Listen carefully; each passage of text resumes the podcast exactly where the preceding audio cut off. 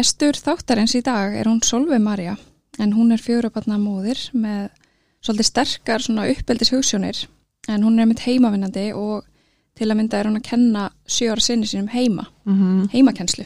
Frekar óvanalegt, Já. ég hafði ekki heyrst af því áður. Ymmit, og voru mjög forvittnar að heyri henni hvernig þetta fer fram allt saman og af hverju hún valdi að prófa þessa leið. Mm En hún leggur mjög miklu áherslu á hægan lífstil í sínu lífi Já, og sínu uppeldi og útiveru og við spjöllum aðeins um það og líka áttu við spjallum hvernig það er að standa með sjálfum sér og setja sjálfum sér mörk og fólkinu sinu, akkurat. meðvirkni Mhm. og ýmislegt fleira. Já, Mm -hmm. en kostundi þátturins eru húsgagnaheimilið og við fórum þangað saman um daginn. Já, akkurat. Þú getið þér hvað mat, matastól? Herði já, ég gefti hérna Evolu matastólin, Já. alveg svartan og við erum búin að vera að nota núna í nokkra daga, Mm mjög ánæð og drengurinn er hæst ánæður. Já, það skiptur alveg. Já, hann er líka bara svo flottur, hann er einhvern veginn Já, passa mjög vel inn heima hjá mér og já, mér gaman að breyta til og prófa nýjan stól. já, Þannig að ég get allavega bara mælt með með honum enn sem komið er sko. akkurat, geggja. Mm En þú ætlaðir eitthvað að kíkja á maturstufélina á það ekki. Jú, en hún er ekki til í litnum sem ég langar í. Þú varst ekki til í myndugræna. ha, nei, Nei. það. Akkurat. Ekki þá, var eitthvað mikið upp á borði. Ég, hérna, Mm. Jú, ég er um að segja um daginn því maður er alveg finnar og vilja hafa sem fæst eldústæki upp á borði. Já, Er er eins, líka ja? svona, já. Já, Nefn að þau séu bara það flott að, hérna, þau séu bara svona mubla eða þú veist. einmitt, kitsinni dræri vel nokkuð. Mm, akkurat, já, nú það ekki. En þá sko. Nei, ég er ekki einum, eða bara eins og með blandar á ristavel og eitthvað Mhm. svona bara helst og hún í skúfu. Mm. En það er von á sendingu af maturstufélunum núna Já, fljótlega og það ekki. bara næstu dögum. Já, og þau eru með 50% afslátt af þeim Já, núna í oktober með Já. kóðunum móðulif. Já, vélarnar frá Beba. já, ég er spennt að fá hana. Mm -hmm. Ég var líka að pæla í þarna skiptiborðinu, eða svona skiptiborðsramma. Já, alveg rétt. Uh, já, það var, þau eru með svona kommóðu í Mhm. svona svipum stíl og ég er með herbyggja hennar. Ég er Mhm. með svona litað þeim að hvít og svona viðalitað Já. og bleikt Já.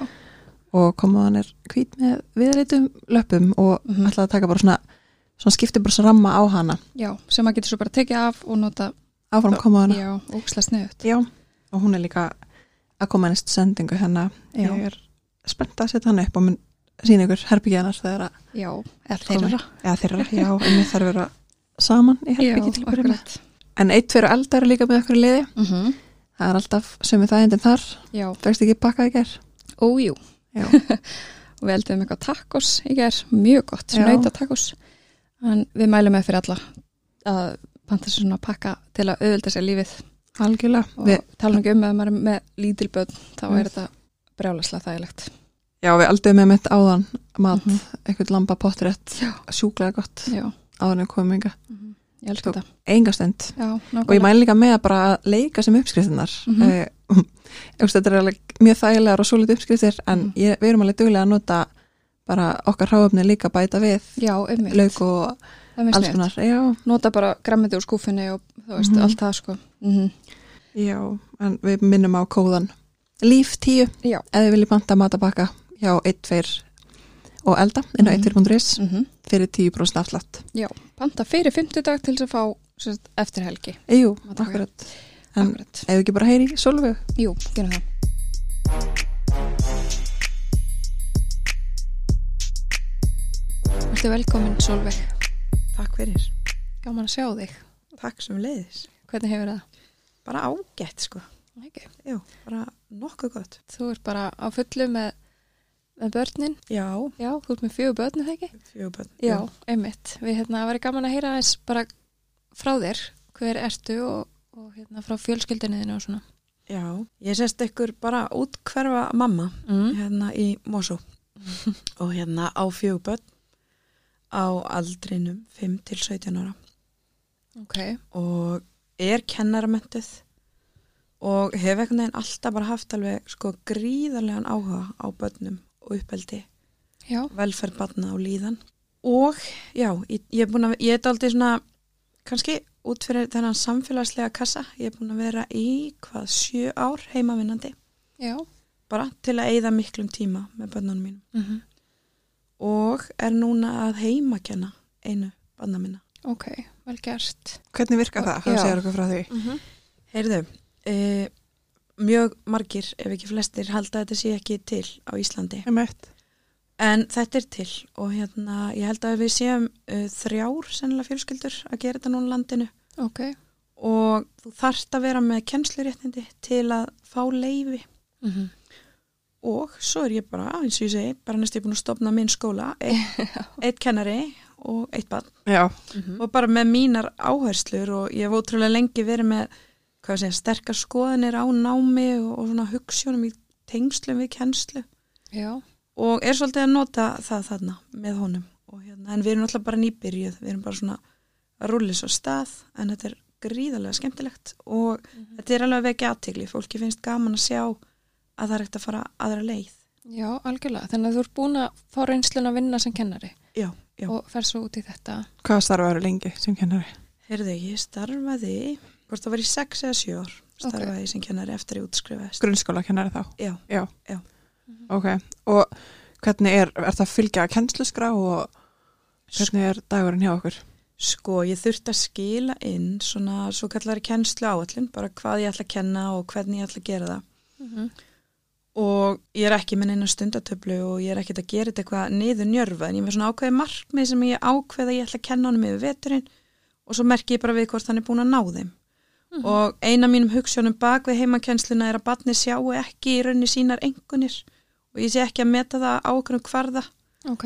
og uh, ég held að sé bara gríla gott fyrir sjálfströst batsins að vera ekki strax að fara að fá engunir sex ára, Einhverju metingi? ekkert meting og að mínum að þetta byrju við allt og snemma að meta börn bara á ýmsan hátt Já, algjörlega. þannig að já, ég hugsa þetta svolítið þannig en þú veist, auðvitað þarf svona sveitafélagi að fylgjast með mér Mhm. því sem ég er að gera og hérna þá sitt ég allt inn í það sem við kallum mentor, þau geta fylgst með okkar framvindu. Ok. en annars er þetta alfæri í mínum höndum og hugssjónin mín er líka bara dálítið mikið að fylgja áhuga batsins, ég er ekki með eitthvað niður njörfað, heldur meira að fylgja hans áhuga og kem svona markmiðum og Já. hlutum inn út frá því. Og hérna ég, ég fylgi hans hraða Mm. að því það er dálítið mýta í skólakerfinu að við getum einstaklingsmiða nám fyrir börn. Já, það er ekki hægt að einstaklingsmiða nám fyrir 20 börn þess að vera 20 kennar. já þurfti að vera 20 Já, liggur við, allavega ég hef kent sko ein tíu börnum, það var geggjað en, en þarna er ég algjörlega einstaklingsmiða ef ég sé eitthvað er erfitt eða Mhm. of létt eða næri ekki til hans það bara breyti ég eitt fyrir og já. Er hann þá skráður í rauninni skóla í Mósusbæ en er bara kent heima? Já, hann þarf að vera skráður í eitthvað svona svo kallan þjónustu skóla sem Já. við erum svona í sambandi við og Mhm. hérna fáum kjenslugögg frá og svo leis. Já, einmitt. En að samanskapi ekkert mikið meira, þú Mhm. veist, hérna, já, mitt nám er alveg öðru sér enn í skólanum og öðru sér markmið og, Einmitt. og svo leis. En hvernig er dagurinn ykkar? Byrjiði á svipuðum tíma og hvernig er Já. hefðbundum dagskrá? Við erum svona ennþá bara að finna taktin Mhm. og hérna, ég meina, honum fannst náttúrulega hvað, þú veist, ég meina þegar við vorum að byrja núna og ég vildi bara við söma fyrir heima áfram. Hvað átti hann að fara að skoða? Já, eitthvað hjá mömmu. Vita, hann er ára, Já, hann hann, fór í fyrsta bekk í Já. Mosó og svo, Nei, reyndar í öðru hverfi, við fluttum fyrir ári. Þannig að þetta var svona líka ákvaðum að prófa þetta út af því, já, hann Já. gæti ekki verið lengur þar. Hún er leið mjög vel og hann er ekkit batt sem að, þú veist, er eitthvað út fyrir ramman eða á eitthvað erfitt, Þú veist, þetta var ekki ákveð út af því. En svona dagurinn hjá okkur er bara daldið þannig að við bara vöknum og hérna komum þeim hinum á sína staði. Já, Þú veist, þessi er 12 ára í skólan og svo fyrir sýstirinn í leikskólan og svo erum við með tvo hundar sem við þurfum að viðra.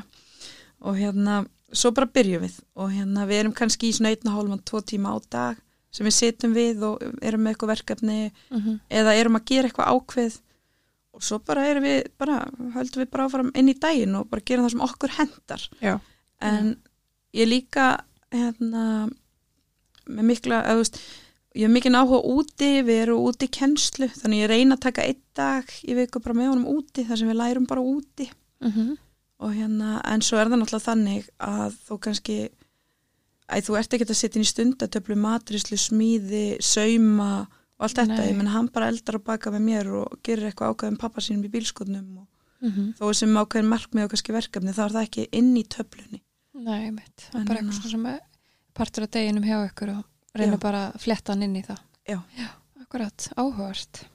Mjög. Og þú heldur úti Instagram-reikning. útiveru og börn Já. börnin Börnin, já. úti vera á börnin, já. Já. Ég var einmitt að fylgja þér áður en ég bara vissi Ah. rauninu hverju væri, sko. Þannig að á gaman að sjá úr duglega að posta þar inn. Já, mér finnst það ókslega gaman. Ég, hérna, maður með segir sér aðtegli sjúk. Er, er það kannski, en þú veist, að samanskapi finnst mér geggja að gefa frá mér. Já. Þú veist, Já. ef að ég get gefið fóreldrum hugmyndir eða, Mhm. Eða þú veist, ég hef verið síðastlega ár líka bara í mikill sjálfsvinnu og Já. ég vil gefa frá mér. Mhm. Og mér finnst það ókslega gaman. Og ég er búin að eignast bara fullt af frábærum vinum Já. frábærum grúppum. Þú veist, þetta er ótrúlega skemmtilegt. svona samfélag bara Bara, bara geggja samfélag, já. já, og svo er svona finnst mér eins og með heimakennsluna, ég vil sína frá henni þannig að fólk viti bara einmitt að það er að fara margar leiðir og kannski að því fjölskylda mín og mitt fjölskyldulíf er kannski ekki alveg hefðbundið, Mm. þú veist að fólk sjáu bara að það má gera þetta allt öðruvísi heldur en að vera að vinna 8-4 og, og allt þetta sko. mm. Er það að fá okkur laun Nei, ég, ég, ég er reyndar forréttinda pjessi að því að þú veist, það geta þetta ekki allir, ég, maður minn er á sjó Já. og hans tekjur næ okkur Já. alveg, þú veist, fyrir búinu eða bara fyrir hlutunum en uh, segir forréttinda pjessi einu börnin já, já, já, ég líti á þetta sem forréttindi en á móti er þetta náttúrulega líka mikill fórnarkostnaður já. Þú veist, og líka bara mikil vinna já, mjög mikil vinna og hérna pappi er að er í burtu svona þrjár, jafnvel fjórar, fimm vikur í einu Já, vá. og hérna, þú veist, þá bara er fullt að gera Mm. en að samanskapi er hann svo heima þrjár, fjórar vikur í einu og þá eru við fóreldrarnir bara 100% bæði til staða fyrir börnin alla daga Já. sem veist ótrúlega dýrmætt Mhm. og hérna hann kemur bara inn í uppeldið og þú veist bara eins og hann hafi farið út í gær og, og allt er 50-50 svona Mhm. veginn þegar hann kemur heim hann er með þess að strángar en ég þetta er ekki hérna, þið veitir sem eru með þess að sjómannsmítu að allt verður bara crazy sko, Nei, það er alls ekki þannig okkur Mm. en auðvitað er þetta krefjandi og, og, og hérna, þú veist maður er alveg farið margar ringi Já. með þetta, ég menna pappin missir ammælistögum og, Mhm. og, og svona einhverjum viðburðum hjá krokkunum og allt þetta sko, Já, þetta er töff. Þetta er töff Já, og þú ert með fjögur börn og hvað, ertu, hvað er hann búin að vera bara alltaf á sjó eða? Hann er búin að samfleyt núna í 11 ára held ég. Já, vá. Já. Ég, við erum svolítið verið að tala í þessum þáttum um hérna, þessa ofurkonu ímynd og sem við öll eh, erum ofta að nefna en það er oftast ekkert raunin að maður geti verið einhverju ofurkona. Þú veist, það er alltaf fornakostnæður eins og segir og hvernig er svona þín reynsla af því að vera að djögla þessu þegar maður er hann á sjó? Sko, ég er búin að vera bara á mínu miðli og bara daldi lengi í bara pínu stríði og herfur gegn þessu ofurkonu heiti. Mm. Mér finnst þetta ljótt orð Já. og ég vil ekki láta kalla mig ofurkonu Mm -mm. af því að þú veist, við erum mannleg, það er engin ofur sem er mannlegur. Nei. og hérna, en þú veist vissulega er ég kannski á þessum stað og uh, er nú varaformaður samtaka sem heita Hæglæti samtökin sem eru samtök sem að við erum svolítið svona bara að hugsa um hægt líf og fólk bara svolítið hæja á sér og sé svolítið meðvitund í lífinu Mm en ekki bara á trilljón. En þú veist, ég komst ekki þarna ósjálfrátt. Ég hérna fór í bara mjög mikla kulnun fyrir fjórum mánu síðan og gekk alveg á vegg. Já, ok. og hérna álæði var bara of mikið, þú veist, ég var bara Mhm. ein með mín fjögur börn og, og hérna yngsta þá hvað bara þá var yngsta rúmlega eins ás Já, eins árs. og það eru tvö ára á milli þeirra þá voru þau þryggja og eins ás og, og hérna, ég var svona bara þú veist, ég meina maður, hvað ég segja svona típisk kona með bara smá fullkomnur áratu og Mm. þurfti að hafa allt fínt og verið í öllu og gera svolítið mikið en, en það tók sinn toll og hérna ég þekkti ekki alveg mörki mín þannig að ég endaði emitt á vegg og mm. -hmm. fekk vefja geta greiningu og þurfti bara rosa mikið að taka til hjá mér Mm til að fungera og fá bara mitt líf aftur sko. Þannig að og hef ekkit, ég, veist, ég fæ aldrei mína heilsu aftur sem ég hafði fyrir fjórum mánu síðan sko. Mm -mm. en ég hef breytt áherslum svolítið mikið og hérna reynd að lækka standarda og vera raunsæri og, og hérna tala svolítið fyrir því að þú veist, emitt svona sína hvernig hlutinir að þeir geti verið erfiðir og Já, einmitt. Það er svolítið leiðilegt hvað við þurfum alltaf að prófa að vera þessi ó- ofurkona innan gæslappa og lenda svo á vegnum til þess að fara að breyta til eins og, já, eins og gerist ég þér og örgulega mjög mörgum öðrum. Vist, getum við ekki bara reynd að að koma aðeins meira að þessu slow living inn í lífið okkar áður en við rekast á Já, veggin sko. bara fyrirbyggja Já. ég hef aldrei til dæmis heyrt af þessum samtökum nei, emitt Nei. Vi, við stopnum þessi samtök fyrir rúmi ári síðan og Ok. hérna erum með heimasíð, highlighti.is mm -hmm. og höldum út í hlaðvarpi sem er ekkit verið, við tökum svona cirka eitt þátt í mánuði. ok Við erum bara að gera þetta hægt án pressu á okkur sjálfar, mm -hmm. tíu konur og hérna við erum svolítið að tala fyrir þessu, við erum svolítið að skrifa pisla og, og reyna að rjúa niður svona þessar staðalmyndir að þú veist, það er ekkert heilbrygt við það að vera í hérna fullir í vinnu með þrjú börn og námi og ræktinni og þú veist, það mun bara alltaf eitthvað missa sín. já, og láta svo lítið út fyrir þetta sé bara ekkert mál Já, það er bara bull. já, Það er ekkert þannig. að hérna- sko Það er bara eitthvað sem gengur ekki upp og ég Mhm. veit ekki hvort ég hafi heyrt af öðrum samtökum sem heita fyrstu fimm.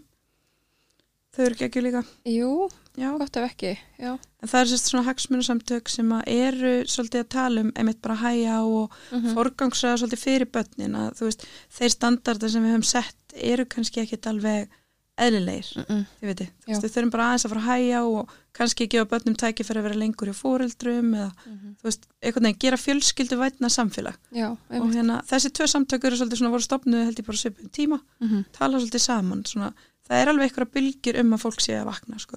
já, Emmett, finnst þér vera mikil pressa á að börn, um, ná einhverju ákveðnu þroska og einhverju svona fytt inn í eitthvað form á ákveðnum, ákveðnum aldrei og svo leis?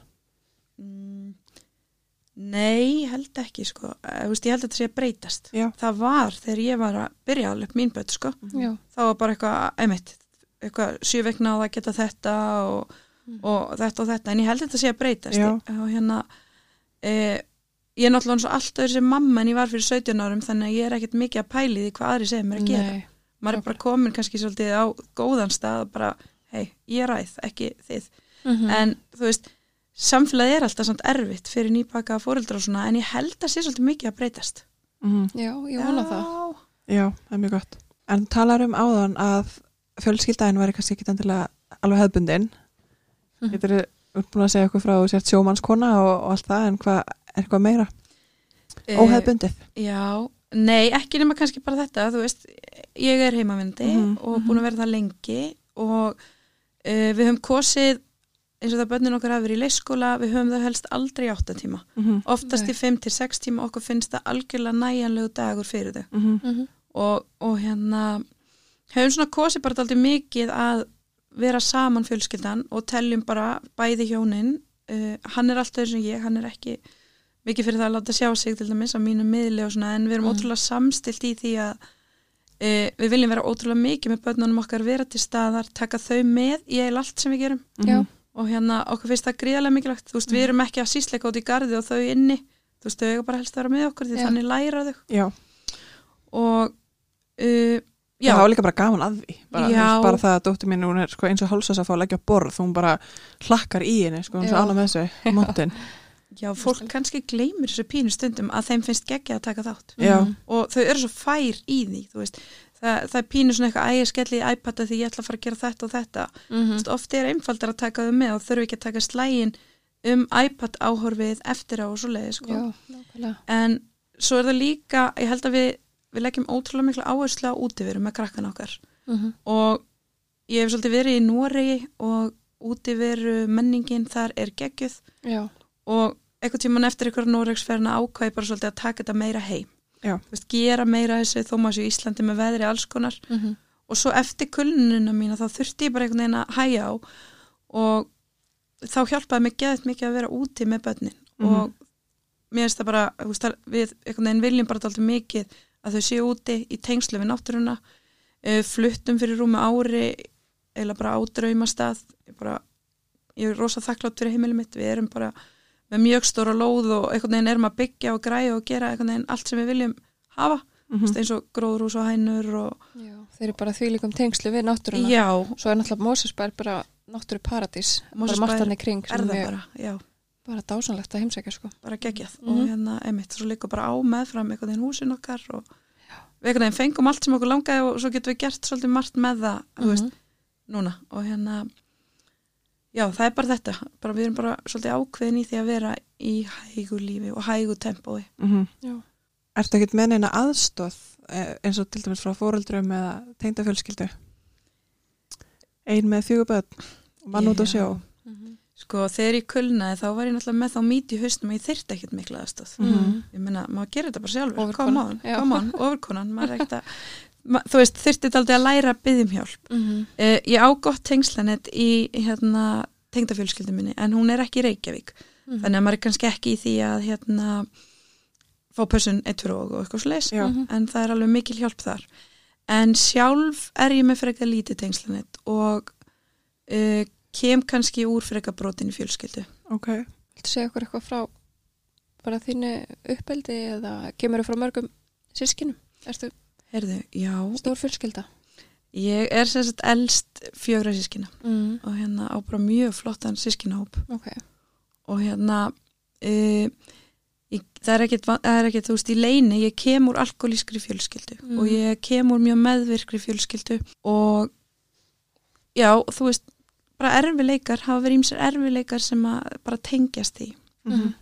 og svo fyrir fjórum ára síðan gerist það að uh, pappi minn deyr Mhm. og hérna hann var bara 56 ára og hérna Það er brákvættur eða? já, Já. var bara á rjúpu og bara, þú veist, allt í góðu og, og hérna bara var res og við vissum ekki að vera neitt af honum og unglegur og flottur og frábær Mm. svo bara gerist það að hann er að veiða rjúpu hann far hjartafall og deyr samstundis Wow. og þarna var alltaf bara uh, gríðalegt áfall Mhm. fyrir alla fjölskylduna og hérna já, ég held að fæstir, eða fólk verður einhvern veginn að lendi í svona snöggu andláti eða miklu áfalli til að tengja við einhvern veginn upplifinarnir í kringum þetta. Mm svo óraunverulegt. E, já, þetta er óreimurlegt og hérna ég man ég var bara í losti í mánuð af því þú veist, þú ert ekkit Já. þú ert ekkit fann að trúa. En einhvern veginn fann ég samt rosalega fljótt tilfinningu eftir að pappi dó að hérna það hafði enginn kannski nákomin mér eða þú veist ekki nema kannski bara langömmur og svona eitthvað sem er bara eðlilegt í því viti lífinu Já. og það einhvern veginn um leið og pappi dó þá einhvern veginn bara svona pínu kviknaði þetta aldrei ljós hjá mér í erfileikunum að hei, þú veist, lífið er þannig að þú getur farið svona Já. hvað ætlar að gera við það Mhm. og hvernig ætlar að nota það og ég ákvað bara einhvern veginn hann frá fyrstu stundu bara vá og þú veist að nota harmleikin Mhm. til þess að uh, lifa lífinu. Lifa lífinu betur. Já. og hérna einhvern veginn fóra ég reyndar þú veist krassa og fyrir kulnun og fæ vefjagjöftagreiningu og tíum dögum setna deyr pabbi. Þannig að lífið var svolítið mikið svona Á hólfi bara. Já, það var svolítið að láta finna fyrir sér. Já, og, og, og heilsufars ástandi mitt var þannig, ég komst ekki fram úr rúminu sko. já, ég, bara, ég var bara alveg bara einhvern veginn og já, pappi deyr og nýtt og eitthvað svona. En já, hverðan einhver, einhver þú veist, eftir að pappi deyr, bara hvað við þorf ætla ég, hvernig ætla ég að koma mér út þessu og Mhm. hvernig ætla ég að lifa lífinu og þessi tvö áföll, þú veist, þú missir heilsuna og missir gríðarlega færni Mhm. þú veist, allt sem þú taldi bara sjálfsagt þú veist, að fara út í göngutúr í klukkutíma þannig að ég fari í göngutúr kannski sjö mínútur Já. á góðum degi Mhm. þannig að það sem var sjálfsagt það er ekki lengur sjálfsagt, þú veist, pappi sem að, þú veist, ég var nýbúin að gott spjall við síman, þú veist, sem að alveg bara einmitt ótrúlega flottur afi bannana minna eitthvað svona, hann var allt í hennu farin Mhm. þú veist, þannig ég misti heilsuna, pappi farin og allt í hennu bara einmitt, vá hvað lífið er samt verðmætt já, Já. og þannig að ekki allir sem fara samt þangað sem sem fara bara í einmitt, bara já, fórðanlamb og, og niður sko já, og sig, þú hefur greinlega, já, farið í þessa kullun og, og já Gert eitthvað við það. kannski, ég minna, verandi fjórabarna mamma þá fannst mér ekkit annað í bóði sko. ábyrðin. Bara Já. ábyrðin og, og, og hérna einhvern veginn fljótt fór ég að þú veist, vita og finna að ég ætla að nota þetta til að bara, þú veist, til góðs já, en uh, þetta gríðarlega áfall hafði rosalega mikil áhrif á fjölskylduna mína Mhm. og ég og til dæmis sískinu mín sem erum orðin aldrei flottur og samstiltur hópur uh, við höfum verið að lenda í nokkrum áföllum bara alveg síðan pappi dó líka þetta hefur bara verið mjög krefjandi tími Mhm. uh, Veist hvernig ég veit, að, veit til þess að það eru fleiri heldur um að gera sig grein fyrir sem Mhm. að þurfa að setja aðstandendum sínum mörg, bara fólkinu sínu sískinum, bara fóreldrum Já. Og geta spilinu. alveg ímyndum mér að þetta sé Mhm. alveg snúið sko og erfitt bara, já, mjög snúið og þetta fyrir náttúrulega byrjar allt svolítið mikið í uppeldinu hjá manni þú veist, ég meina ef þú elst upp í meðvirkni og alkoholisma þá ferðu meðvirkur út í lífið og e, eitt megin enkenni meðvirkninar er markalýsi þú veist að eiga erfitt með að setja öðru mörg mm -hmm. erfitt með að setja sjálfum sér mörg Já. virði ekki mörg og allt þetta og ég fór svolítið út í lífið bara einhvern veginn með bara pínu rámt veganesti í mörgu svona sko Já, en var gríðarlega heppin bara ógíslega heppin að ég fekk svolítið að byrja að ala mig sjálfa upp aftur fyrir hvað, 12 13 árum þegar ég fór inn í 12 spóra samtök Mhm. og þá byrjaði ég svolítið að vinna með mína meðvirkni og kannski átta mig á því að sumt sem kannski hafði viðgengist í minni fjölskyldu var ekkert endilega uh, það besta. Mm en maður fer alltaf svolítið út í lífi og maður heldur að gildin og viðmiðin og forfeðnir og þeir sem eru eldri en maður sjálfur séu svolítið bara með þetta. Mhm. en ég fór svolítið að læra að það er ekkit alveg alltaf þannig í alkoholískum og meðvirkum fjölskyldum. Uh, ég var alveg upp á bara mjög góðu heimili og fóreldrar mínir gerðu allt sem þau gátu bara, þú veist, eins og fóreldrar gera bara Já. elska mann út á lífinu og gera sitt allra, allra besta Mhm. en ég komst að því setna því ég fór að þroskast að meðvirknin hefur haft rosalega mikið áhrif á þeirra líf og áhrif á mitt líf Mhm. og það er ekki fyrir en ég fer bara núna, ég meina nú er ég án 38 ára því meira sem ég reyni að losna undan meðvirkninni því meira sé ég eitthvað neginn pínu hvað ég segja, sannleikan í lífinu eða þú veist, hvað ég segja að margt sem að lærir í æsku er ekki endilega rétt Mhm. Já.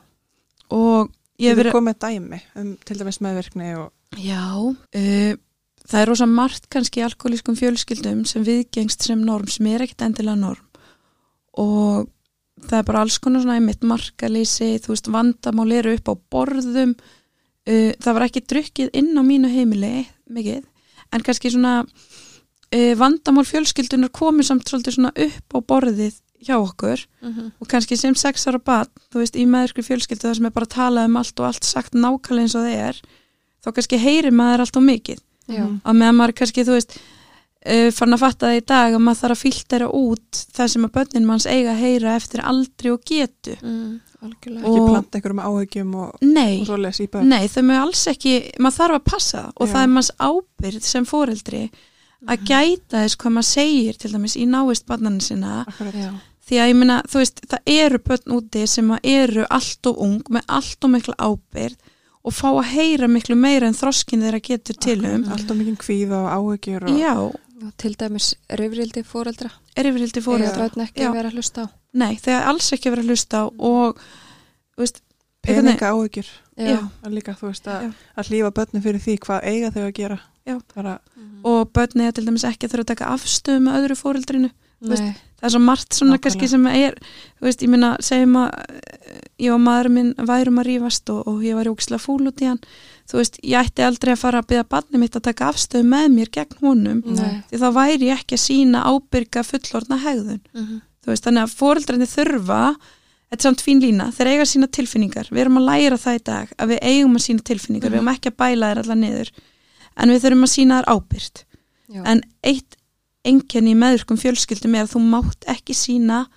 uh, vondartilfinningar mm þér má ekki líða illa og sem barn ferða einhvern veginn strax að skinja það Mhm. og fiffa tilfinningarna þínar og láta lítið út fyrir allt sé í lægi þó sé ekki lægi inn í þér af því að það er tabú og þú veist jafnvel að fóreldraðinni fari í kerfi að þú segir að þið líði illa Já. og þetta er, og ég held að til dæmis eins og mín fullkomnunar árata uh, hún er svolítið tengt þessu að hérna maður er alltaf að reyna að vera úslega flottur og fullkomin og fítn og til að fá kannski svona svolítið viðkenningu annara Mhm.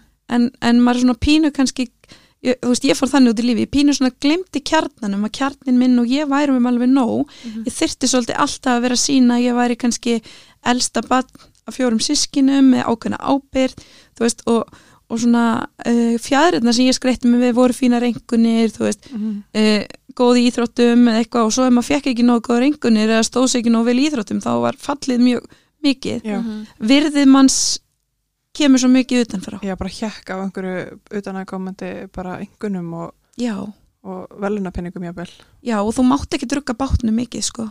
Að því líka í svona alkoholikum fjölskyldum eru hlutverk batna svo misjöfn það er kannski eitthvað sem rugga bátnum og það var ekkert mikið sveigurum fyrir að hinn ruggi bátnum já, og það er svolítið áhugavert núna þegar ég hef kannski tekið sjálf mig svolítið í gegn og unni í minni meðvirkni þá hef ég kannski undanferðin tvö ára eitthvað verið að rugga þáldi mörgum bátum að því ég er í fjölskyldinu minni Mhm. að segja mína skoðun mhm, og ég er að segja nei, viðst að mér bara held að þetta sé bara ekki máli fyrir mig Mhm. og þetta eru ekki aðstæður sem ég hef börni mín í og þá er maður að rugga rosa mörgum bátum en, en maður er samt komið svona uh, kjarkin Mhm. Til að þú veist velja fyrir sig og sína. Já, en þetta er ekki létt og ég get ekki sagt að ég sé fullkomin og ég er alls ekki ómeðvirk og þú veist, geri alls konar vittleysur og, og allt það sko. En bara svona þessi meðvitund að vera alltaf að hvað segja, reyna að um, bara taka ábyrða á sínu lífi, það er svo, gott, það er svo svona empowering að fatta að maður hefur valdið. Já, bara ég hef valdið í mínu eigin lífi. Já. Já. þú veist, hérna sem fullorði manneskja. Já, og það er geggja þegar þú fattar það. Og, og þú veist, allt og margir fara út í lífið og fatta þetta ekki að því þeir eru svo munstraðir. Já, Já. en, en þegar maður fattar þetta þú veist þá einhvern veginn verður allt aldrei léttara. Veist, ég meina ég læri þetta til þess í mínu tólspóru samtökum ég meina eins og í mínu hjónabandi þú veist, ég verð að taka ábyrð á mér. Mhm, þú veist, ég get ekki farið bara í fílu og allt er ómulegt eins og lítið bad, þú veist, ég verð að taka ábyrð á mínum brestum, vinn í mínum málum já, og þá svona ósjálflátt einhvern veginn fara hlutinir að ganga betur. En svo sem, þú veist, vegferð mín hófst mikið fyrr, ég er ekkit vissum að ég hefði getað tekið stáfið þetta áfallum að því ég var búin að vera í mikill sjálfsvinnu í mörg ár. Já, en, en það er akkur þetta, þú veist, ef maður er komið þessi prinsip á reynu að þú stjórnar engum nema sjálfur þér. Mhm. þú stjórnar ekki börnunum með manninni þú stjórnar bara þér. Já, og þá þarf þú þegar áföllin dinjá og þegar erfileikandir eru þá þarf þú veistu að þú getur alltaf valið þér viðhorf veist, það er bara uh, en einhvern veginn, það hljóma kannski klísjukent en einhvern veginn bara svona kveiknaði pínu ljós hjá mér og, og hérna ég fór svona meira að vera í núinu mhm, ég meina ógislega mörg okkar eru föst í því að vera í gærdeginum og morgundeginum já, ég meina við erum, ég man ekki Já. hvað tölur séða 97 á starri eða eitthvað Mhm. Já. en um, en um leið, það, það er alveg fárileg tala Mhm. og um leið og maður fyrir að vera aðeins meira hér og nú Já. þá einhvern veginn ég einhvern veginn fór að sökka mér í til dæmis fræði ekkar tolli og, Mhm. og bara, þú veist, fór að hafa mikinn áhuga á nú, núvitund og tala svolítið um hana á mínu miðli. Og hérna börn eru náttúrulega snillingar, þau geta kent okkur þetta allt. já, ándjóks þú veist, við vorum svona, við töpuðum þessu. Já, og hérna, ef, ef maður næri að vera fóreldri sem að uh, hjálpar barninu eða veitir því það góðan, hvað ég segja, jarðveg að það nái að hluta til að haldi í þetta þegar það fer út í lífið og einmitt vita að það hefur stjórn á lífinu mhm, en ekki aðrir veist, þá er maður bara að gera þetta alltaf góða hluti sko. mhm, Ekki spurning. Og þú talar um hérna tólspóra samtökin. Hefur þá þurft að berjast við bakkurs sjálf eða? uh, Nei, Nei. þetta eru önnur tólspóra Ok. samtök Þannig, sem svona meira lúta af meðvirkni Já. og vinna bara í, þú veist kannski svona já, Mm -hmm. þannig að Var þetta að fara í þessi samtök, var það byrjun á þinni sjálfsvinnu? Fyrst þetta að hafa gert mikið fyrir þig? Já, mjög mikið. Já. Já, já, ég er svona einhvern veginn áttaði mig á því að, þú veist, hana, að það væri svolítið meðvirkni kringum mig og þessi samtök eru Mhm. svona að vinna með meðvirknina og, Ok. og það væri svona minnstur sem ég langaði svolítið að fara út úr og, og ég var þarna ólétt að barni tvö Mm og bara rosa þakklátt fyrir að hafa farið þannig og svo er ég bara með gríðarlegan áhuga á sjálfsvinnu, ég elskar sjálfsvinnu Já. og ég hef sjálf tekið það afstöð til dæmis í mínu lífi að því að fólki í kringum mig er mikið að deyfa sig að þú veist ég drekka ekki áfengi og ég er ekki að deyfa mig. Mm en að samanskapið þú veist skilja okkur fólk deyfir sig. Og hérna ég veit ekki hvort þið þekki Gabor Mate mhm, alltaf bara snillingur. Þú veist hann segir náttúrulega að það sé bara eðlilegt að mannkinni deyfir sig að því að mannkinni er svo uppfyllt af áföllum, gömlum sárum Mhm. tráma sem við höfum ekki unnið úr. Já, og þú veist, ég á bara dásamlega fjölskyldumeðlemi sem hafa gefið mér svo mikið en í minni fjölskyldu eins og svo mörgum Mhm. hefur ekki verið unni úr trámanu mhm, og ég menna það eru bara eitthvað, eitthvað reikalegt áfall getur verið 200 ár aftur í tíman Já. sem fer frá kynnslóð til kynnslóðar og kynnslóðin hefur ekki tækifæri og ekki tæki og ekki tól og ekki aðstæður til að vinna í sínum áföllum Mhm. og ef ég fer út í lífið ma- sem mamma bara með rosalega mikið áföllum inn í mér. Já. ég yfirfæri þau yfir á börnin mín. Mhm, og því ég get ekki betur. Ég ætla mér að gera allt allt annað Mhm. en þetta gerist ósjálfrátt. Og en í dag er náttúrulega bara svolítið aðri tímar og það er þetta svo gott hvað við erum að tala um áföllin og það er gott að við erum að setja upp á borðið að því nú er meira í bóði fyrir mig en til dæmis ömmu mína Já, að vinna í áföllunum. Núna ert þú svolítið að brjóta upp minnstrið. Já, ég tel mig að hluta til vera að gera Já. það. Að hérna, veist, ég mun aldrei gera það alveg og ég er pottitt búin að yfirfæra meðvirkni og alls konar vesen að hluta til yfir á börni mín, mm. sér í lagi eldstu, eldri börni mín. Einhvern veginn, maður er alltaf þroskar og þroskar þegar maður fer einhvern veginn áfram. En ég er meðvitið um það að ég sé munstur sem eru skadleg og ég sé að eitthvað er ekki eins og það á að vera og ég bara einhvern veginn, það fit- fittar ekki Mm að þetta sé eitthvað sem við þurfum kannski að brjóta upp og örgleikurum finnst ég of opinská og ég hef alveg lent í deilum við fjölskyldu meðlimi að því ég hef þurft að setja mörg og ég hef settu kannski of stíft eða of hart, maður gerir þetta aldrei oft þegar maður hefur ekki kunnað að setja mörg Já, og fer maður stundum í hinn á sem bara bara, svona bara setur þetta svolítið kvast já. Maður er svona, veist, á meðan mitt markmið er að vera alltaf svolítið í miðjunni. Mm en jú, það fíla mig ekkit allir að því ég er að segja bara, heyrðu, nei. Við bara, við látum ekki eins og hér sé engin bleikur fýll í stofunni Já. þegar hann er rosalega stóru bleikur -hmm. Veist, bara þetta gengur ekki við tek ekki þátt í þessu með ykkur og frelsið sem það felur í sér að hérna velja sína leið er gríðalegt Og standa með henni. og standa með henni, já það er emitt, standa með henni, það er líka erfitt sko mm. Ég held sem mjög algengt þegar fólk er að glíma við með, meðvirkni að það hafi bara ekki nokkur einstu hugmyndum að það sé svona meðvirkt sko.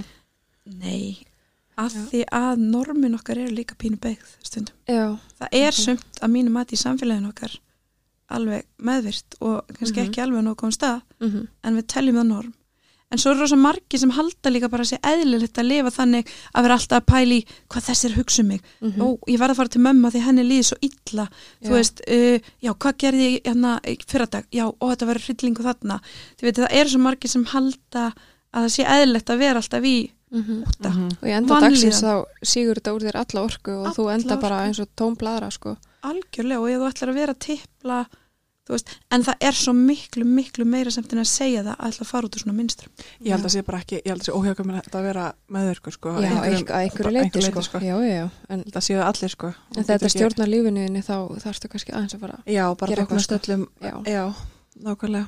mm á þinn einn kostna sko. þóknast öllum, öllum Mm og að bitnar á þér.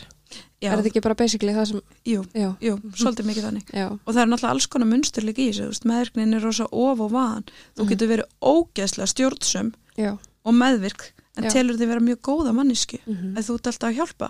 Já. en þú ert alltaf að fara yfir línuna til dæmis hjá börnunum þínum og ættingu þínum Mm og stela þeim þroska. Já, og svo þú veist getur þú talið líka ógeðslega góða manniska því þú hlýður öllu og gerir allt sem allir aðri segja. Mm en þetta er ekki það rétta endilega fyrir þig þú veist, ég lýsi svo svolítið þannig á mitt markmið svona pína að reyna að vera svolítið í miðinni já, og það er hérna, svo bara ágætt. svona meðal, einmitt, hætt að vera brjála og ofurkonan mm eða bara manniska sem er alveg umuleg þú veist, Mhm. og vera bara svolítið svona meðal, það er bara, mér finnst það eiginlega meira töff núna en að vera eitthvað framúskarandi sko. já, ég er samanlega sko. Já, þegar þú átt þitt fyrsta bad þá ertu með báða fóruldræðina til staðar þannig að þú þekki það að vera með stuðning, mm ekki fóruldra og börnin hafi um og afa til að halla sér að. Hvernig er það núna eftir áfallið?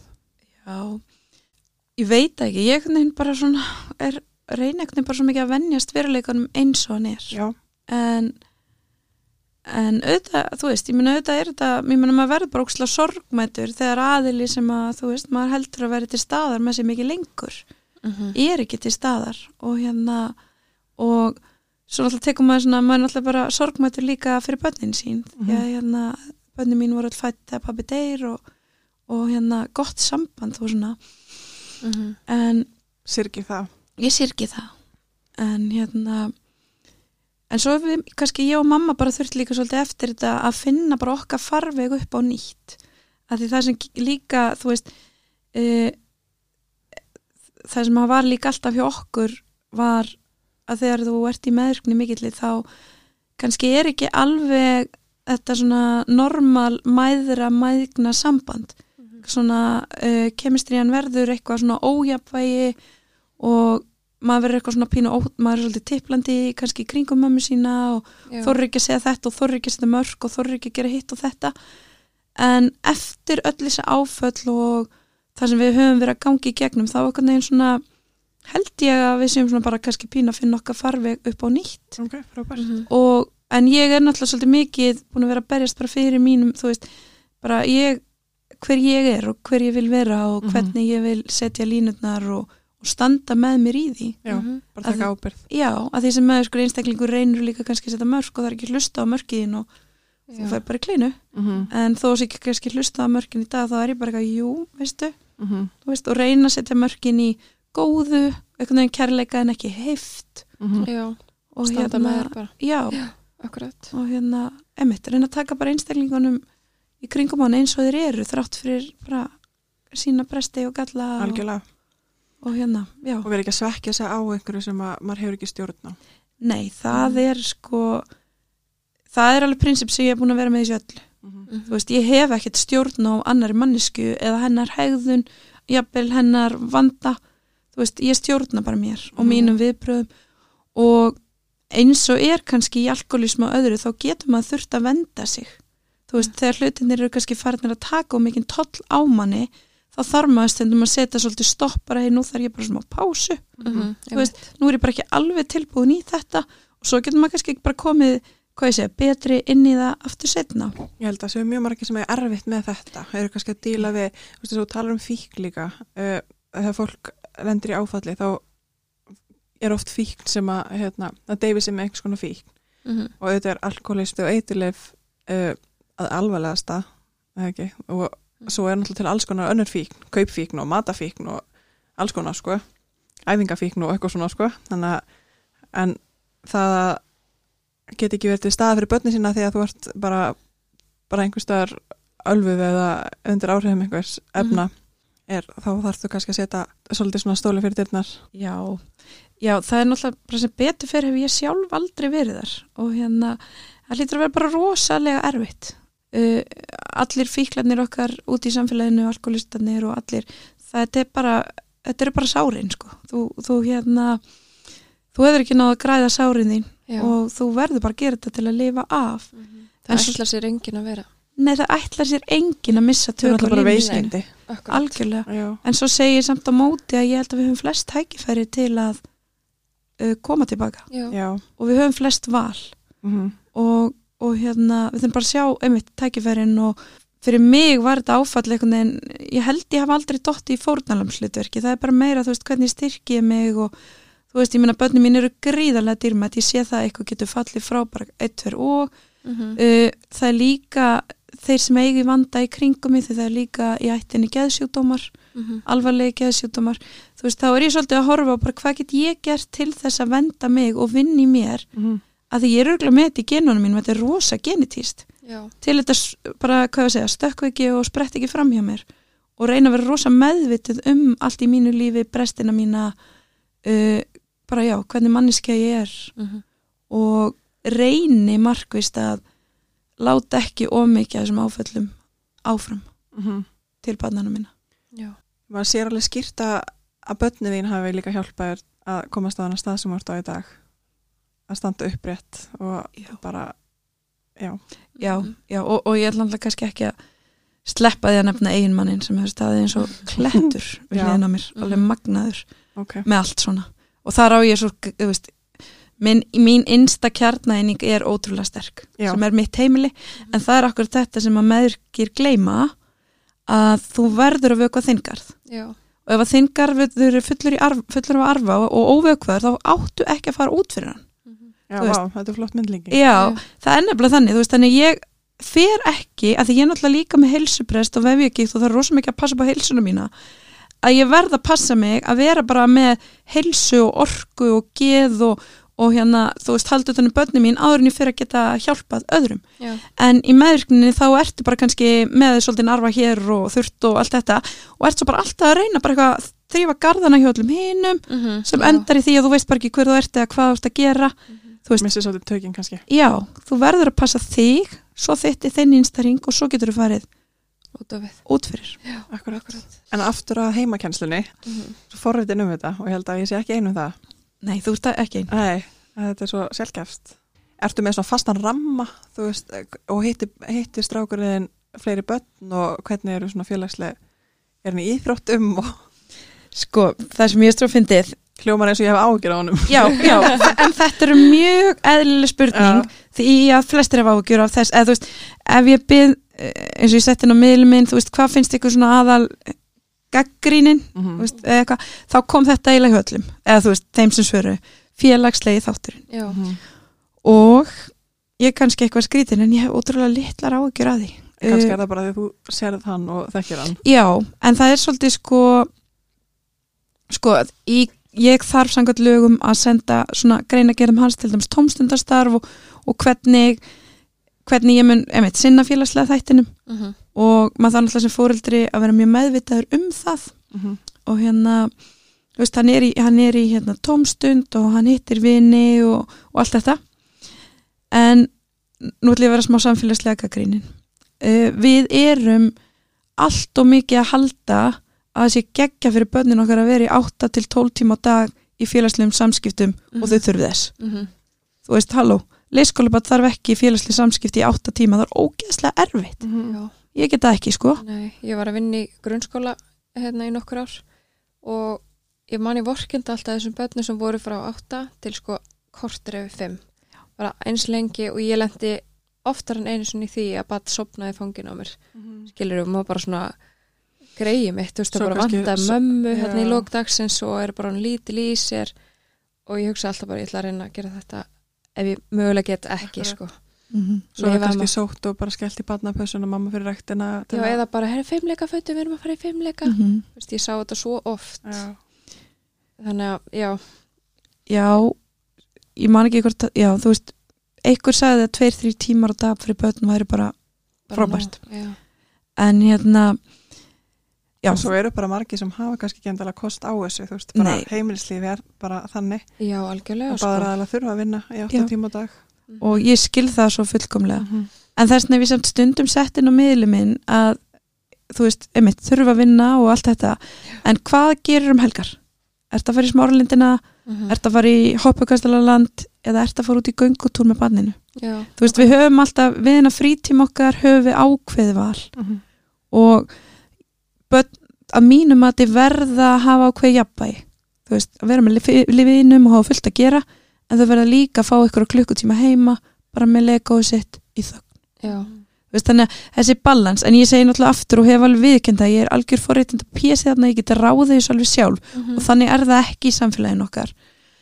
En já, þú veist félagslegt ég er aldrei róleg með það hann elskar þegar hann er búin að vera heima í heimakensli róleitum að fá vin til sín og þeir leikið 2-3 tíma og hann er rosalega vel upplagður. Já.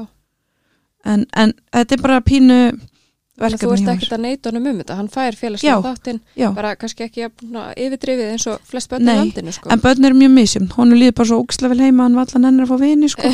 okay. en svo fimm ára barnið mitt verður alltaf þér síðust það er líka bara hlust á þeirra þarfir og, og hérna mæta þeim. mæta þeim já, ekki spurning mm þannig að en þú veist, ef þetta virkar ekki hjá mér og þetta kemur eitthvað illa, tónu líður illa þá fer hann aftur í skóla, já, Mhm. þú veist, ég er ekki að gera þetta fyrir, ég fekk einmitt gaggrina um dagina það væri bara svona eitthvað fóreldrar sem þorði ekki að sleppa takin á börnunum og já. væri bara að stjórna öllu, Þú ert að gera þetta fyrir þig bara. já, fyrir mig og já. ég myndi alltaf gera þetta saman hvernig það væri, nei, ég Nei. horfa á barnið mitt. Já.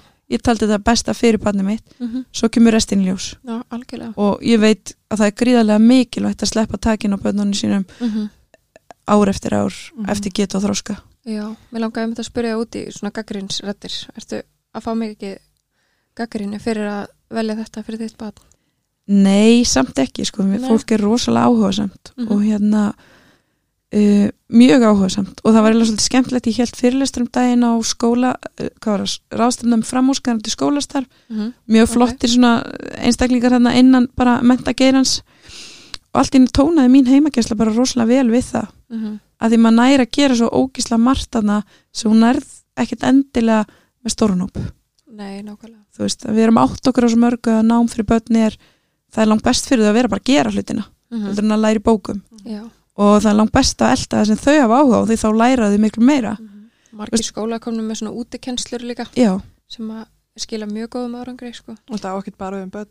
Nei, nei, Nei. alls ekki. Nei. Ég hef alveg setið námskeið og bara, já, lært og, og svo fer ég að spreita mig í vinnu eða bara gera það sjálf og það bara Já. læra maður mikið betur bara það að lesa uppskrift og svo prófa ég eldana það skilur við þetta Einmitt. sýnir bara að það er ekki að flóki sko. Nei, og það sem fólk gleymir svolítið er að lífið er allt nám Já, með barnið þitt heima uh, þú getur sífælt verið að finna eitthvað og kenna því já, taktu það bara með þér í að baka þú veist, einmitt. ég meina, horfum á viktina og, og tjekka á tölunum og Mhm. þú veist, hvað er kveiti, hvaðan kemur það þú veist, nóðum og gerum þetta allt já. það er heilmikið nám mhm. þannig að en svo einhvern veginn fann ég smá svona sveitafélagi mitt var svolítið svona alltaf hissa bara ég að fyrsta mannski sem sækjum þetta og ég þurfti svolítið að segja ég var ekki að gera þetta þegar mér finnst skólar glataðir Nei mér finnst bara ógíslega mikið að geggjum skólum á Íslandi og ótrúlega mikið að flottu starfi mhm. heldur er þetta bara leið sem ég langar að prófa Mhm. Þú veist, ég er ekki eitthvað upp á kant við allar og allt í námulegt og ætla bara hérna að gera lóðina mína og Nei, þú veist, þetta er ekki það. Mm þannig að þetta er bara ein, eins og ég segi, þú veist, eins og ég segi ekkert um daginn, við erum öll með sama markmið menta börnin okkur að láta þeim líða vel. Já, og þetta er bara ein leið af, sem er hægt er að fara, sko. Akkurat. Ekkert eitthvað eitthvað sértrú, sértrú. Þetta er bara Nei, ég er ekki, ekki mjög trúið og emitt, að hljóma fólk- bara eins og sért bara með opin hug akkvart þessu en Já. það líka bara opin því að, barni fer aftur í skóla ef, ef Já. það henda betur sko. já, þetta snýst allt um hérna velferð batsins og líðan batsins sko. Já. Hvað myndir að mæla með að að, bör, að fóreldrar myndir gera með börnunum sínum eftir til dæmis leikskóla? Heyrðu, ég myndi mæla bara eiginlega alltaf með að fara út Okay. Farið út bara í öllum veðrum og þú Já. veist, ertu alveg bara svona Já, en það fer samt alveg, þú veist, ég, ég er líka alls konar stundun en ég ekki neitt út. Já, Mhm. en þú veist, við reynum að hafa þetta svona bak við eira og eigum erum alveg rosalega freka vel búin í alls konar veður og alls konar út í sport og svona, mm. en ég reynir líka alveg á mínu miðli að vekja bara smá aðtikli á því að það þarf ekki að vera flókið. Bara úti í hálftíma, Já. öllum líði betur. Og við vorum með mitt hérna, ég veit ekki hvort ég að sé það ég held að við vorum nýju Instagram-reikningar að stopna sem hóp sem heitir hérna leiksamfélagið já.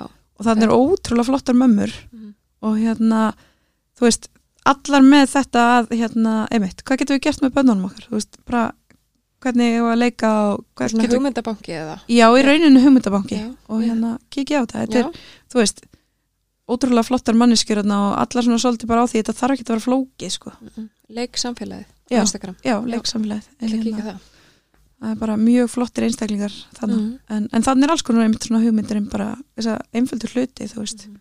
þetta þarf ekki að vera flókið, sko. Það þarf ekki að vera líka svo dýrt. mikinn mun, nú er ég með eina fimm ára mjög virka. Og ég sé svo mikinn mun, stundum er maður bara þannig upplæður að maður bara vill fara heim og kveikja sjónarbrunni sko, fyrir barnið og hún líka. En þessar dagar sem við förum út og erum bara úti kannski alveg fram á kvöldmatt því líka munur á barninu. Á áttatíma til dæmis, þú veist, það er bara að þetta gerir og líka hjá okkur fóröldarum sko.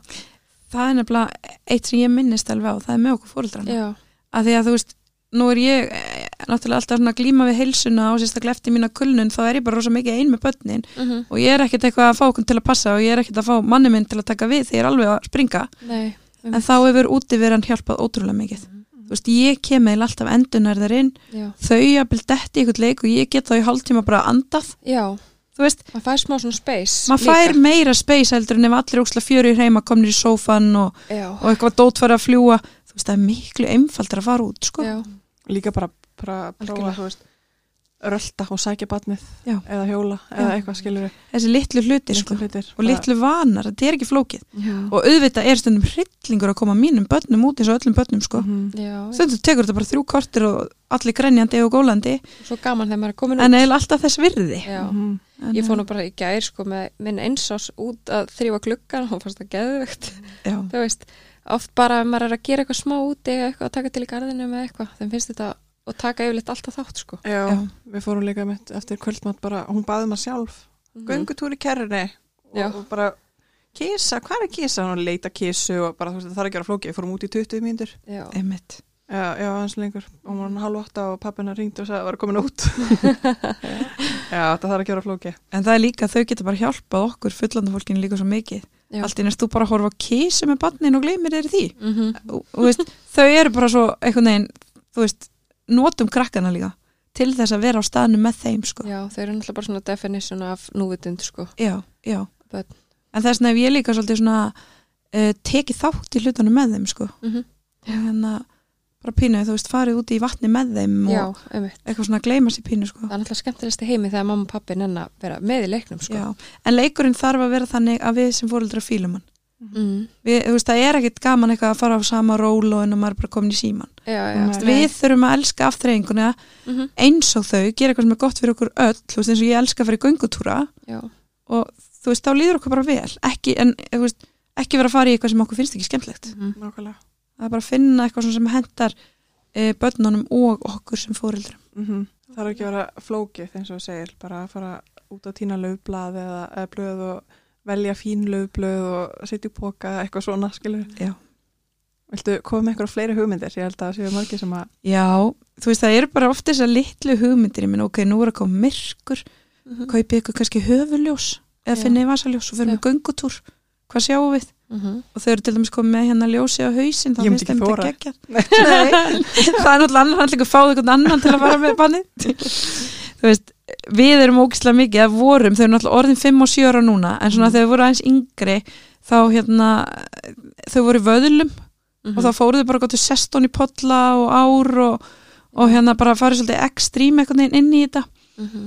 uh, þú veist, eða bara börn í stífulum og podlafötum að hoppa í podlum, þeim Já. finnst þetta Mhm. er bara- leita af ormum leita af ormum, þú veist, allt þetta sem er einhvern veginn ekkit er ekkit flókið og hérna eins og með samfélagsmiðla þeir geta alveg verið þú veist, við vitum alveg neikvæðilegarnar en það er ókslega mikið sem fóreldrar geta fundið hann inni sem hugmyndir með börnunum já, þú veist, einfaldar uppskriftir af föndri eða leir eða Mhm. einhverju sulli, þú veist þetta er oft svona bara já, alls ekkit flókið og ég minna þú veist, bara það að fara í hei, fyrir mér nestisverð þú Mhm. veist, það er ekki eins og flókið nesti bara borða í einhvern skói eða bara rétt hjá Mhm. úti Mhm. þú veist, bara svona fara út fyrir ramman Já. hei, tökum, setja okkur markmið eins og tökum einn kaffitíma í viku úti. Mhm. þú veist, setja svona inn litlar venjur. Og ég meina, á Íslandi erum við náttúrulega með bara sundlegur út um allt geggjað. Já, við erum náttúrulega með geggjaða náttur á Íslandi og Já. kemst alltaf í eitthvað frábært. Já, og því enda dagsins líka þá er það samveran sem skilur eitthvað eftir sig fyrir börnin, þú veist Já. eins og ég bara úr minni æsku, amma og afi alltaf ótrúlega dögulega að fara með okkur sískinin veiða síli og bara kenna okkur á náttuna og að sitja og horfa á fuglana með fuglakíkir og þetta er bara minningar sem sitja eftir hjá mér og ég er núna að smita í mín börn. Það er, já, það er nefnilega, þú veist þessi nærvera með börnunum mun skila eftir sig, e- eitthvað eftir sig, ekki fjarveran. Nei, ekki nei, það að mamma er eitthvað bara allt annars staðar en samt við hliðina þér, Já, það sem þú gerir með þeim. Mm -hmm. og hérna, það gerist alveg ósjaldan að ég er alveg óksla þreytt og krakkt bara, við erum að fara út. Já, þú veist, bara nei. Og í gær, ég meina, svona minn, þú veist, þá kom myrkur út, förum út í garð ég var alltaf netti, en þú veist, hann langaði bara svo út í garð með vasaljós Mhm. en að maður er að sá svona, þú veist alls konar fræjum veist, og, og eitthvað sem þau geta líka nýtt sér þegar þau verða eldri mm -hmm. og hérna, okkur finnst geggja fjölskyldinu til dæmis bara að kveikja varðeld og, og hérna borða úti eða bara setja við varðeldin og spjalla Mhm. Já. Þú veist, þessi litlu hlutir sem munu þegar upp er staðið, það eru ekki fötin sem þú fær frá pappa og mömmu eða Mm. Tækin eða utalansferðnar, jú það, það er skil eftir minningar Já, skilji, já, einmitt, það eru svona þessi litlu móment í lífinu sem munu að lokum telja algjörlega ekki bara heldur hjá, ekki bara hjá þeim, heldur líka okkur Þú veist, Já. ég er ekkit minna að gera þetta fyrir mig að fara út að Nei. hjóla með hana sko. einmitt, þessi litlu hverstaslu hlutir sem eru samt svo frábæri sko. Já, Já. þannig að þetta einhvern veginn skiptir máli ef maður er að verða fóreldri eða nýtt fóreldri að þú veist, við erum alltaf meðutur um þetta skiptir allt máli þú, veist, allt, þú ert alltaf að sá fræjum sko, Mhm. hjá þessum einstaklingum og þau munu taka eitthvað sem með sér áfram út í lífið Mhm. og hérna fjöruferð eða bara hvað sem er sko Mhm. Mhm. Nákvæmlega líka bara að lesa batnið sitt þú veist bara hvað hefur það gaman að mér finnst þetta, ég hef ekkert eitthvað stútir að þetta mikið þegar ég bara tala út frá mér Mhm. bara að heyra þau tala um þetta og svona tengi ég svona, bara svona leiði bara að segja bara svona við líður eins og ég sé að gera rétt bara, þú veist en það þurfi, þurfi ekkert að vera út um allt. Sumbönd vilja bara vera heima eftir leikskóla, sumbönd vilja bara gott að fara í sund eða hvernig sem það er. Mhm. Þannig svo í dag bara, hérna, Dóttir mér fór í ammali hjá frænda sinum og hún bara vildi ekki neitt fara eftir leikskóla. Og hún hefur hef bara róð mikið fyrir hana. Og ég var einmitt að ringja og við vorum að ringdi pappinar, hvernig ammalinu Heri, hún var eiginlega bara halva ómöguleg. Bara allt Já. og mikið áreiti. Það var bara svona, ok, já, við hefum bara ekkert átt að fara með hana. Mhm. Bara-. En það er líka þetta sko að leifa krökkunum að vera eins og þeir eru Já, við sem fullanda fólki erum svolítið ofta að stýra deginu þeirra og, Mhm. og gera þetta því þetta er svo gott fyrir okkur og eitthvað svona þú veist, emitt, kannski er það bara nóg fyrir þetta barn að vera með einn bíl í bílaleik í hálftíma því það þarf þess Mhm. emitt, fylgja þeim svolítið en örgleikurum finnst ég svolítið ekstrím á mínu miðli, þú veist börnum mín fá að sulla og drullumalla og gera flest svona sem þau vilja Mhm. oftast og hérna, þú veist ég legg það ekkert fyrir mig þó þau séu grút skítug á meðan þau eru búin að taka geggjan klukkutíma í að Já. bara drullumalla upp fyrir haus Mhm. að því þetta er svo mikilvægt fyrir börnin þau elska þetta svo mikið Já, þú veist, leifið þeim bara setjast hon í pollinu minna við skiptum bara í föta þeim Mhm. þú algjörlega. veist, leifa þeim að hvað ég segja, þú veist í kjarnan eru þau svo miklu snillingar við erum ekki að hefta þau Mm Maður líka svo oft heyrt hérna fóreldra að ég passa úlpuna þinn eða snjókalan eða eitthvað svona ást. Þannig að börnin eru bara, jæja, ég skal ekki fá rigningu á mig. Mhm. Vist, hvað er auglið þetta? Ég bara, ég fagnaði þegar dóttur minn kemur heim eins og haugur, sko. Það, þá veit ég bara að það var gaman í dag, sko. Mhm. ég veit það, þetta er bara snjókalinn með gati, bara, yes, það er bara fínt, sko. og við eigum, svo, svo að börnin mín verið kannski svolítið hérna í leiskóla hort á þau og því þau eru alltaf börnin nefnt sem koma lang skítugust inn úr útiverinu og Já. kannski ekki dókslega hressandi fyrir leiskóla kennarna sko. en þetta er bara eitthvað sem að þau bara eru vön Mm Dóttir minn sem ekki pempi, hún er bara Já. Í skítugt já, og svo er það svo misjöfn sem Já. já, um, En svo líka, hérna, hún er bara í sandkassa bara að dusta sig, bara Já. hefur alltaf verið þannig maður bara svona, ha En svo, já, hemmett ég er alveg skilið með að fagna því að það koma skýta Já. heim bara og við líka bletta á bólinu sínum og mhm, já, bara ég, ekki, kom heim á leikskólanum. Já, leika sem er kveiti og okkur svona, þau eru alveg á duglega að örfa þetta og leifa þeim að spreita sig á leikskólanum. En svo ég minna þú veist, ef þú hefur aðstæður sett út eina garslöngu, leiðið maður með rennandi vatn. Mhm, skemmtilegst í heimi. Ég man eftir bara sjálf sem barn, geggja sko. sko. Þau eru ótrúlega einföld þessi börn. og líka, þú veist, að leifa þeim að vera haldi í þetta sem lengst. Mm 12 ára barn á ekki að hætta að leika sér. Nei. eða þú veist, það er ekki það á ekki að vera eitthvað sjálfgefið. Mm þú veist, þá bara drullum alltaf að því líður vel í því. Eða skilji, þú veist, megum einhvern veginn heldur ekki ætl, halda að þau þau eru rosa lengi með þetta í sér sko að þau fá réttu tækifæri. Já, mitt, hvað og réttu við vorum í. Barbie og örugglega bara til, hvað? Fyrra.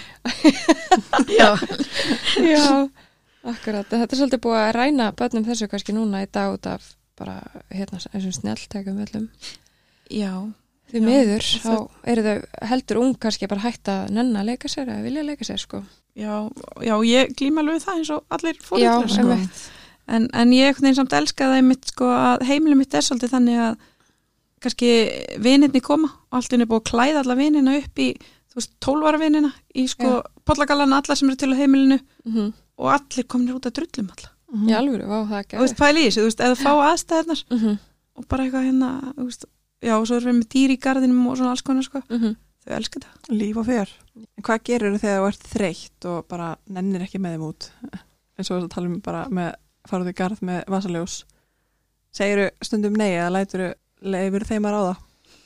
Nei, ég er náttúrulega að hlusta líka bara svolítið mikið á mig sko, Mhm. en þau eru orðin náttúrulega kannski komið líka þægilegum aldrei núna, þau geta bara stokkið út sjálf. Já, en hérna, en auðvitað eins og ég segi, það er svona við með heima bara að, þú veist, ef það er skapandi og ef það er eitthvað sem að styrkir þig sem personu eða eitthvað, Mhm. að segja oftast já. Mhm. en auðvitað það maður stundum að setja mörg, þau eru ekkert vaðandi út um allt hús með eitthvað málingapensla eða, eða eitthvað þannig, sko.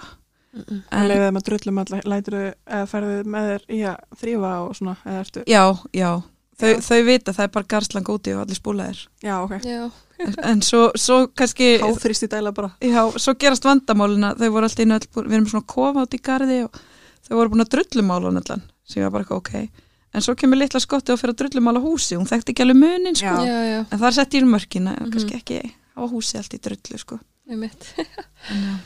En hefur eitthvað pælt í, að því nú ertu kennara mentuð, að gera eitthvað við þetta, allt, allt þetta sem þú ert að gera? Þú veist, ertu að halda eitthvað námskeið eða ef þú talar um fyrirlestra á þann, það ekki?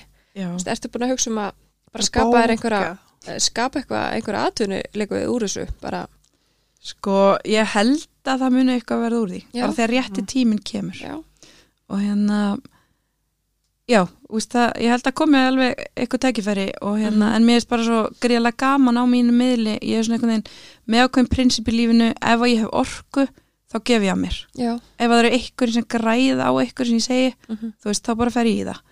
Og hérna já, þú veist, er bara nokkuð góð í miðlinu mínum og, og svona ymsum grúpum kannski tengdum því. Já, en ég, það getur vel verið að koma eitthvað sneiðt út úr þessu setna sko. ég hef rosalega mikla þörf fyrir einhvern veginn að gera samfélagi betra fyrir börn sko. Já, Eftir allan að halda því opnu og já, halda áfram það sem þú ert að gera og bara svona, já, já, það geti gert eitthvað stórt með þetta en, algjörlega. en að geta sleppa bara Instagram Já, já, en það er ótrúlega Já. gaman að fylgjast með þér þar. Já, já. út yfir á börnin Já, Er eitthvað að lokum sem þú vilt koma framfæri? Uh, það sem ég langar svolítið að segja er uh, þetta sem að mér er svo gríðlega mikilvægt sem uppalandi er að þú verður að byrja sjálf með þér og þú verður að rækta sjálf með þig uh, hvað ég segja, hérna vinni í þínum munstrum uh, vinni í þínum áföllum því það mun alltaf skila sér til barnana þina Mm. þú getur ekki verið með allt slétt og fælt á yfirborðinu, litið og slefil út en með fullt að skýta inn í sko, það mun halda áfram.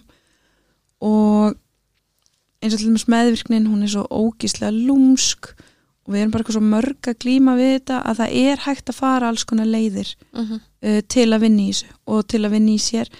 Að því að emitt, þú breytir ekki börnunum en ef þú breytir þér þá getur það gert ótrúlega mikið fyrir börnin þín. Og eitruð samskipti og, og uh, vond og erfi munstur, þetta er ógeðslega erfitt að bera þetta. Og hérna uh, þó mér að vel þótt erfitt að rífa þetta af mér þá er maður eitthvað svo, hvað ég segja mikið, mikið léttari einhvern veginn eftir það og frjálsari. -hmm. uh, að því það er útrúlega margt í samskiptum fólk sem að uh, týðkast sem er ekkert endilega gott. Og hérna þú veist, ég meina andlegt óbeldi er til dæmis örgulega mikið algengara en við höldum sko. Já, og ef við finnum eitthvað, þú veist, okkur líður ítla og svona, þá getum við alltaf að leita okkur aðstöðar og nú ég bæði að fara í tólspor og líka ákveðna meðvirkni ráðgjöf og bæði verið að hjálpa mér mjög mikið. Og emitt, það er bara þetta að hérna passa upp á sjálfan sig og, og hérna þú hefur alltaf rétt að hugsa um þig sko. Mm Þetta voru mjög flott skilbóð í lógin já. Ég bara Já. Mjög vel orðað hjá þér Mm og langar bara til að þakka þér kærlega fyrir Já. að koma svo lög bara gaman sko Og þátturinn okkar er í bóði uh, eitt fyrir elda. Mér langar að spyrja því svona í lokin. Hefur verið að nýta þér eitt fyrir elda? Það vart svona ein með börnin og... Nei, ég hef nefnilega ekki nýtt mér það Nei, en Hérna- þekkir þetta fyrirtæki? Já, Já. þetta myndi örgulega gagnast mér mjög vel sko Mm, einmitt. en, en hérna, já ég, ég, þarf, ég þarf að skoða að því einmitt ég samansett hérna ég er ekki alltaf að elda ykkur að brjálega máltíðir ein með börnin sko, það kemur ekki til það er greina líka bara örgulega ógeðslega erfitt sko. já, stundum er bara eitthvað mjög einfalt í matinn Já, þess vegna er þetta svo ótrúlega þægilegt. Þarna ferðu bara og velur þér hvað þið langar í fyrir vikuna, færið þetta allt tilbúið og það er bara að elda þetta eftir uppskrift og krakkarnir geta hjálpa til við það. mm -hmm. Ótrúlega þægilegt. Sára einfalt Sára Mæli einfalt, með, og ef þú ferði í þetta í oktober þá mæli ég með að nota kóðan LÍF 10 fyrir 10% afslátt Já, hljómar vel Það ekki? Jú. það ekki. og þátturinn er eitt í bóði húsgagna heimilsins. Já